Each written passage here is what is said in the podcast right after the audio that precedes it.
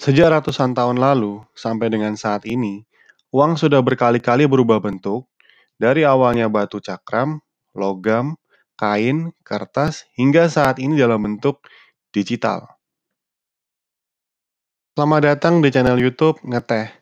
Saya ingin menceritakan beberapa hal yang menurut saya penting dari buku Apakah Bitcoin Standar Keuangan Masa Depan, karya Oscar Darmawan dan Sinta Rose Kamlet. Oscar Darmawan merupakan CEO dari perusahaan digital asset exchange di Indonesia, Indodax, dan Sinta Rose Kamlet merupakan CEO dari www.intenselynews.com. Video ini akan saya bagi menjadi dua part agar teman-teman dapat menikmati secara jelas bagaimana pandangan Bitcoin dari buku ini. Semoga teman-teman mendapatkan manfaatnya ya. Yang pertama, apa itu Bitcoin?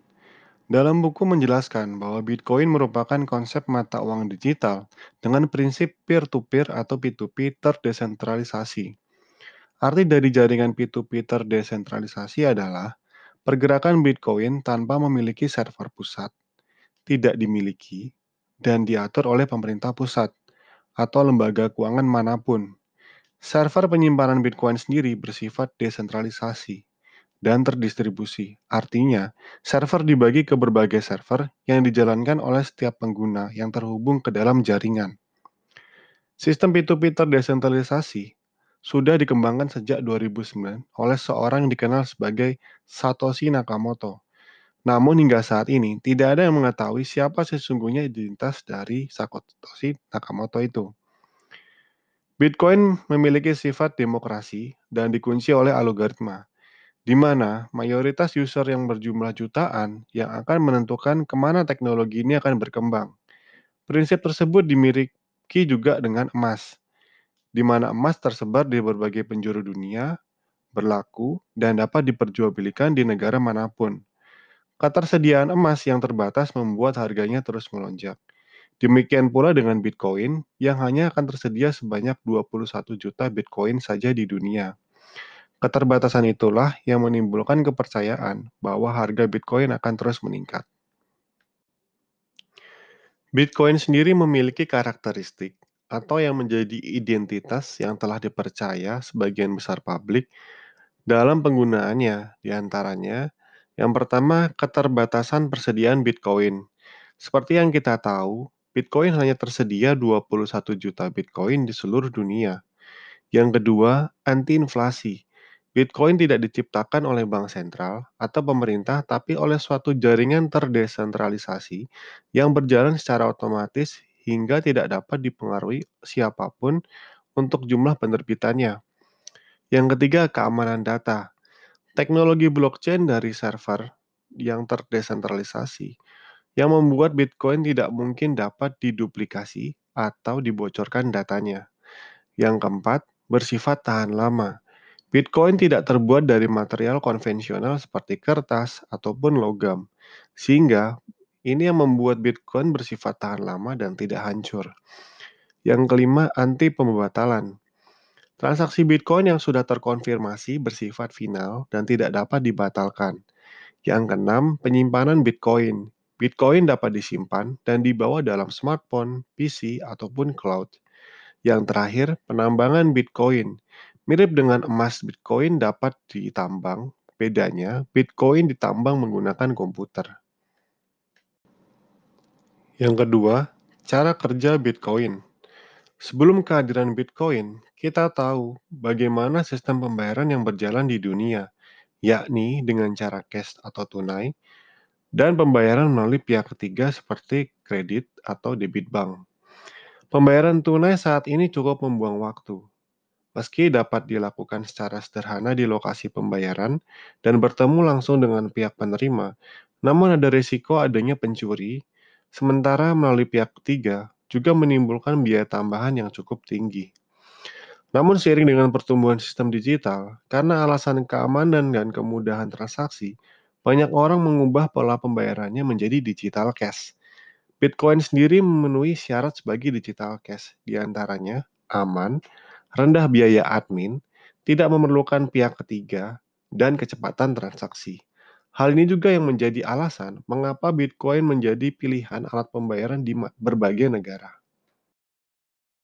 Berikut ini ilustrasi bagaimana secara sederhana cara kerja transaksi dalam Bitcoin.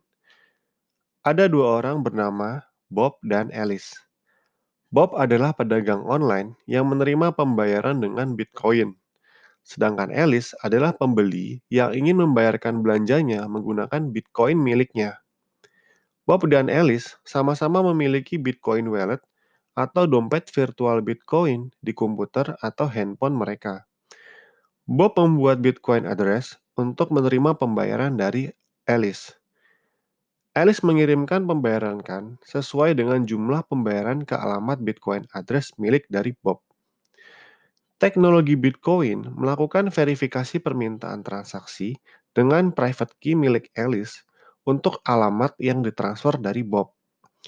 Selanjutnya, setiap orang di jaringan internet dapat menggunakan dasar public key dari Bob untuk melakukan verifikasi transaksi tersebut, bahwa permintaan transaksi berasal dan dilakukan dari pemilik akun yang sah.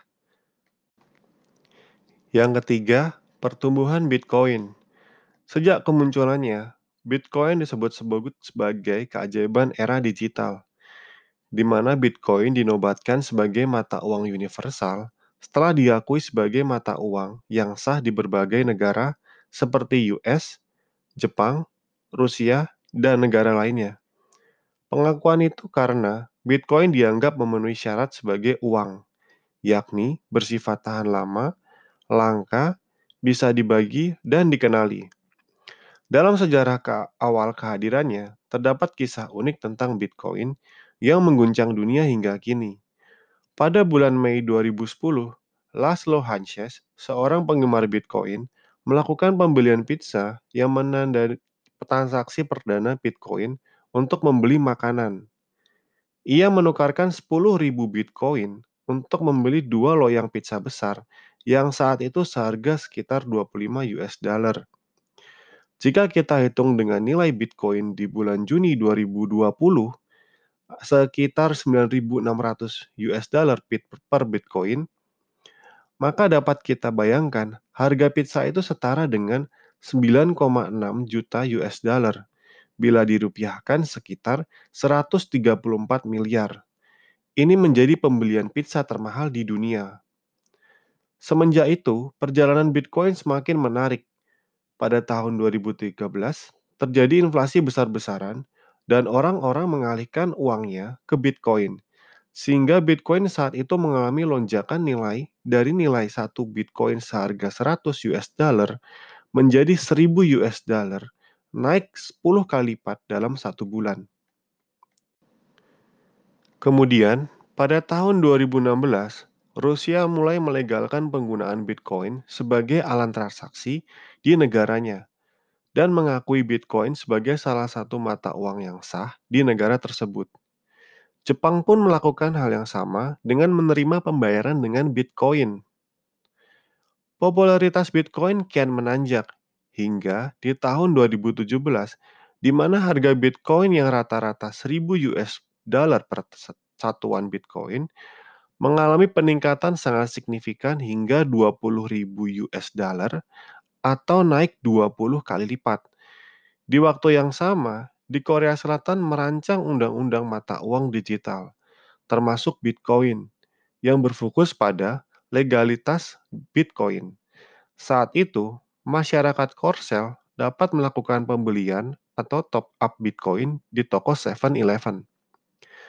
Di Indonesia sendiri, pada tahun 2018, telah diterbitkan Peraturan Menteri Perdagangan tentang kebijakan umum menyelenggarakan perdagangan berjangka aset kripto, di mana cryptocurrency secara resmi dinyatakan sebagai aset kripto dan sudah terdaftar sebagai barang legal yang dapat diperdagangkan sebagai komoditas dan disahkan oleh Bapepti.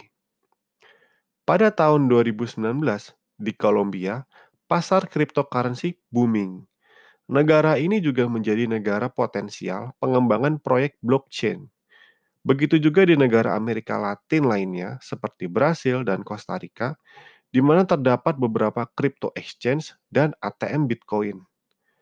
Pada tahun 2020, Coca-Cola Australia dan Selandia Baru menerima juga pembayaran dengan Bitcoin.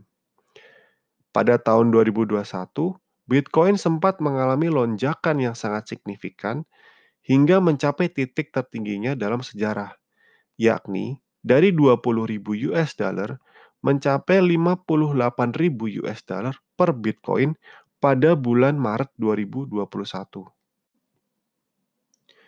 Lalu, apa itu blockchain dan hubungannya dengan Bitcoin seperti apa? Lalu, bagaimana cara berinvestasi di Bitcoin? Tenang, di video selanjutnya akan saya jelaskan pertanyaan tersebut. Tapi sebelumnya, jika kamu suka dengan video ini, kamu bisa membantu memberikan like dan komen di bawah mau video tentang hal inspiratif apa yang akan saya bahas.